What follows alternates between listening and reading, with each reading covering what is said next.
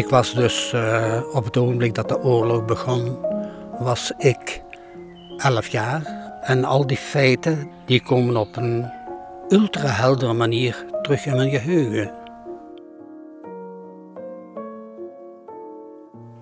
Op zeker moment wordt er op de, op de deur geklopt.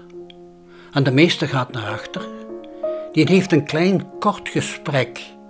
En dan schuiven twee jongens de klas binnen. Hij wijst onmiddellijk op het bankje dat helemaal achteraan in de klas staat, dat wij het ezelsbankje noemen. En de meester gaat gewoon verder met lesgeven.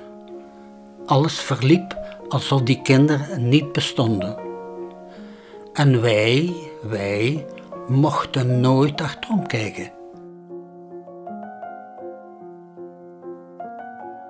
Die, die grootste, zal ik maar zeggen, dat was een kordaat iemand. Die tweede jongen, die was een halve kop kleiner, mager, schuchter en al wat gewild. Op zeker ogenblik verzamelen enkele jongens in een halve kring voor die jongens. Die beginnen te roepen en te tieren, die joden, die joden die onze kindjes doden. En dan dat klein manneke, dat gevoelig schuchtige manneke, loopt alleen twee dikke tranen over zijn wangen naar beneden. Dat beeld zal ik nooit vergeten.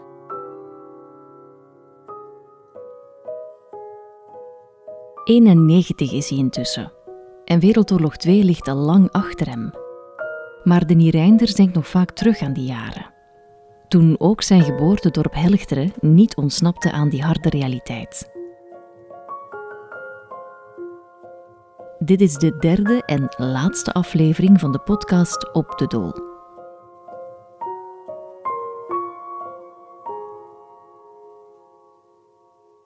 In de winter van 1940-1941 stuurt de Duitse bezetter een groep Antwerpse Joden naar Limburg. Ruim 3200 mensen in totaal. Volgens sommige bronnen zou het een soort generale repetitie zijn voor de geplande massadeportaties.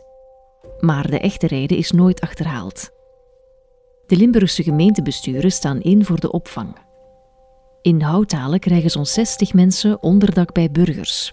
Helchteren moet een groep van 40 Joden opvangen en brengt die mensen onder in de stallen van het kasteel De Dool. Daar leiden ze een miserabel bestaan. Maar de Duitse bezetter verbiedt de inwoners om hen te helpen. Ja, dat is eigenlijk een, een episode uit, uit de Tweede Wereldoorlog waar heel weinig mensen weet van hebben. Je kent Thomas nog van Natuurpunt. Thomas is ook vrijwilliger bij de Heemkring van Houthalen. Gedurende een aantal maanden tot het voorjaar van 1941 um, hebben die in die stal verbleven. En uh, ze kregen eigenlijk heel weinig te eten.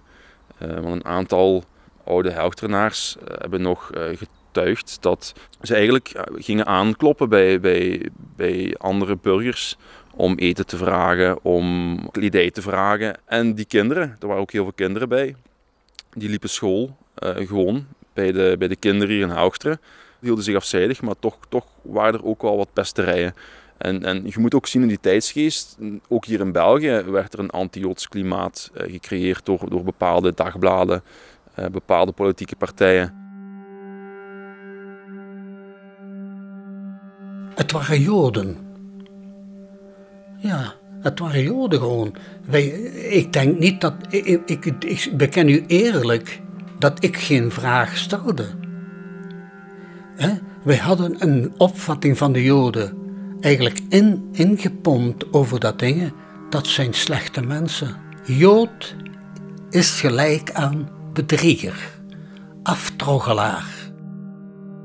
Door de lessen van gewijde geschiedenis waren wij op de hoogte dat zij verantwoordelijk waren dat Jezus aan het kruis genageld werd.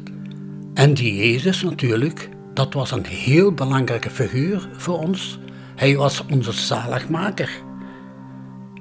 En uh, dan was het normaal hè, dat wij een negatieve kijk hadden op die dingen er zijn, er is, er zijn bijna geen Joden die, die hier in Houtaal of Helchteren uh, korte tijd of langere tijd geleefd hebben, die het overleefd hebben. Enkelingen, maar de meeste zijn dan uiteindelijk toch uh, vergast in Auschwitz. In de oorlogsjaren moeten de inwoners van Houthalen en Helchteren leren leven met de aanwezigheid van de Duitsers. Dat was ook al zo in de Eerste Wereldoorlog. Toen verbleven er zo'n 250 Duitse soldaten op het kasteel. En dat heeft zijn sporen nagelaten. Wat zij precies vernield hebben, um, is niet bekend, uh, of heb ik toch niet kunnen terugvinden. Maar ze hebben al sinds een heleboel vernielingen aangericht. Want uh, de toenmalige pastoor van, um, van Helchter, pastoor Germanus, uh, heeft er in zijn dagboek over geschreven. heeft geschreven van dat het een schande is hoe ze alles vernield hebben. gewoon vernield om het te vernielen. En dan in Wereldoorlog 2 hebben de Duitsers hier ook op het kasteel gezeten. En bij een vertrek in 1944 hebben zij um, onder meer de boerderij, dus de, de, de, boerenwoning, waar nu het horecagedeelte is, vernield. En dan een deel van het koetshuis, waar de brouwerij zit, en uh, het melkgebouw. En vanaf 1946, als ik het goed heb, is dat dan vervolgens uh, heropgebouwd door de familie Schroten. Schroten. Die naam heb ik tijdens mijn zoektocht al een paar keer horen vallen. En die familiesgrote, dat waren moeder, vader en acht kinderen die in 1946 vanuit Peer verhuizen naar de boerderij op de Dool. Een boerderij die dus met haken en ogen aan elkaar hangt. Ik spreek af met dochter Jeanne op het terras van de brouwerij, omdat ik wil weten hoe het leven voor haar geweest is in de jaren 50, vlak na de oorlog. Thomas schuift mee aan tafel, want ze kennen elkaar goed. We zijn goede geburen. Thomas? Ja. Heel goed is alles. Hoe lang al? Sinds... Sinds 4,5 woont jij. Sinds 1990. Sinds 1990. Maar ik weet pas sinds twee jaar dat jij hier zit opgegroeid. Dat heb ik nooit geweten. Ah, hé. Ik heb het nooit geweten, nee. Nee? Nee. In uh, 45, 46 zijn we hier, ja. maart 46 zijn we hier komen wonen. Ja. Ja, ik was 12. Net 13 geworden als we een helft teruggekomen zijn. Hier was het allemaal braakliggend dus. Dan niet. Maar hier die kant. En deze kant ook. En een stuk van het melkhuis daar.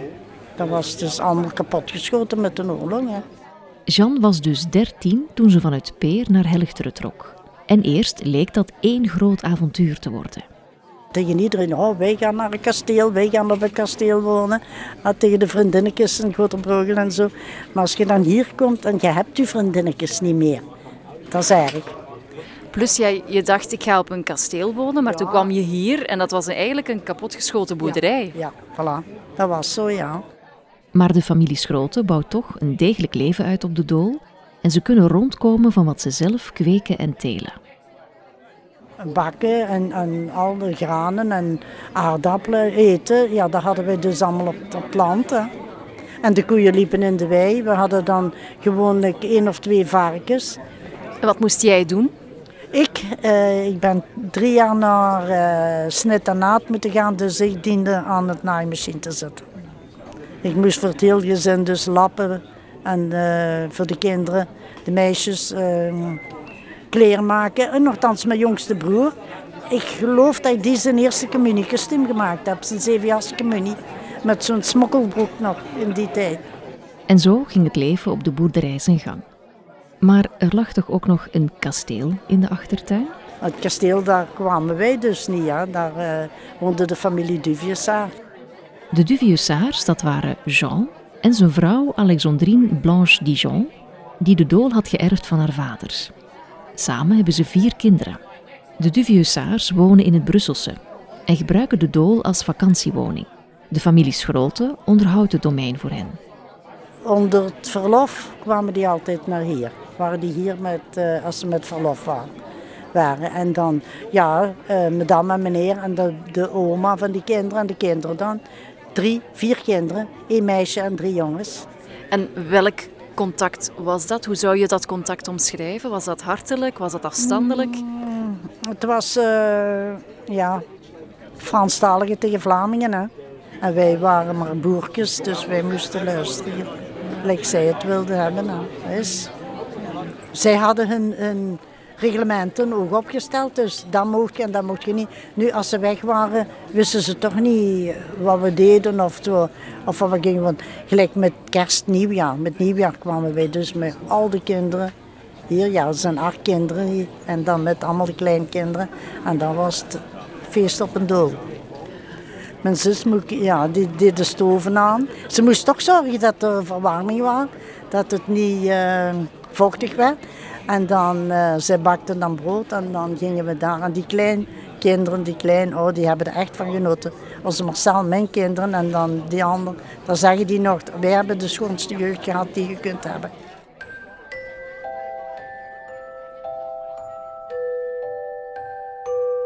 Hmm, er zat toch wat rebellie in de familie Schrolte blijkbaar. Nu, de familie de had wel wat aanzien in de gemeente. Omdat ze van een hogere stand waren en omdat Jean de een paar maanden premier van België was geweest, ten tijde van de koningskwestie. Hij zou zelfs even ondergedoken zijn op de dool toen de gemoederen hoog oplaaiden. De Duvieusards maakten geen deel uit van de gemeenschap, maar ze lieten zich wel zien in de kerk op zondag bijvoorbeeld. En ze hadden een bepaalde levensstandaard die ze ook in Helchteren hoog wilden houden.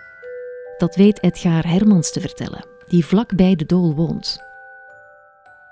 De Duvieusards, dus de kasteelheren, zoals de mensen dat noemden, dat betekende hier toch wel wat. Hè? Iedereen was daar toch wel zo'n beetje van, kijk daar naar op. En mijn pa was in die tijd de enigste bakker in, in de gemeente. En als die mensen hier waren, moesten er speciaal dingen gebakken worden. Want dat was dan de jaren 50 ook en 60 dat ik me herinner als klein manneke. Kwamen ze dat bij ons thuis bestellen. Pistoleken, dat is normaal 10, 12 centimeter, maar zij moesten er hebben van 5 centimeter. De helft ervan. De taartjes hetzelfde, een eclair of van die dingen, dat waren allemaal specialekes die moesten gemaakt worden voor hier. En dan herinner ik mij dat ik met mijn pa mee mocht komen om dat hier te komen leveren. Moesten we met een auto over de koer langs de grote mesthoop af tot bij het kasteel. En dat was toch wel heel indrukwekkend altijd, moet ik zeggen. Ja. En ook Emiel van Voorde heeft zo'n verhaal over de dure smaak van de Duvieusards. Emiel, dat is de man achter de heemkring van Helchteren.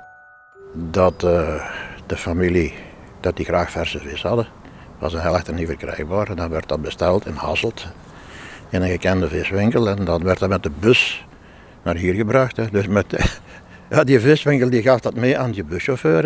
en, en, hier in het dorp stond iemand van het personeel hè, te, te, wachten. En zo was dat. Hè. Hier waarschijnlijk ook. Hè. Kan je mij in geuren vertellen hoe het hier vroeger was? In geuren vertellen hoe het hier vroeger was. Ja, ik, ik herinner me heel goed de, de, de geur van, van vers brood, de geur van uh, vers gebakken spekken, dat was hier ook beschoten. Ik ben er eens geweest op uh, de zwarme voormiddag. Ik kan dat niet juist bepalen, het is begin van de jaren negentig geweest. De schroten die woonden hier nog. Hè. Ik ben buiten gekomen met de tranen in de ogen. Echt, dus die, die geuren die riepen herinneringen op de... Ja. Hoe, hoe bekijk jij dat als uh, al wat oudere inwoner van Helchteren, die het heel lang heeft gekend en het heeft zien veranderen door de jaren heen? Wat gevoel heb jij als je hier nu rondloopt? Ik voel me hier vreemd. Ja? Ik voel me hier vreemd, ja. ja. Als je de mensen spreekt van, allee, pak 35, 40, 45, de dood, dat wordt onmiddellijk gecombineerd met bieren. Ah, heb je die bruinen al gedronken? Heb je die lichten al gedronken? Ik combineer dat met de mensen die hier woonden. Hè. Klinkt een beetje alsof je heimwee hebt. Uh, natuurlijk. Natuurlijk, ja. En naar, naar welke tijd specifiek dan? Jaren 40, uh, eh, de jaren 50, beetje de jaren 60. Hè. Kent, kent je dat liedje van? Heimwee doet ons hart verlangen. Nee, ken je dat niet? Nee. Ja, maar dat is, dat is uw tijd ook niet meer. Heimwee doet ons hart verlangen naar de, naar de heimat onze jeugd. En verder ken ik het niet. Heimwee doet ons hart verlangen naar de heimat onze jeugd.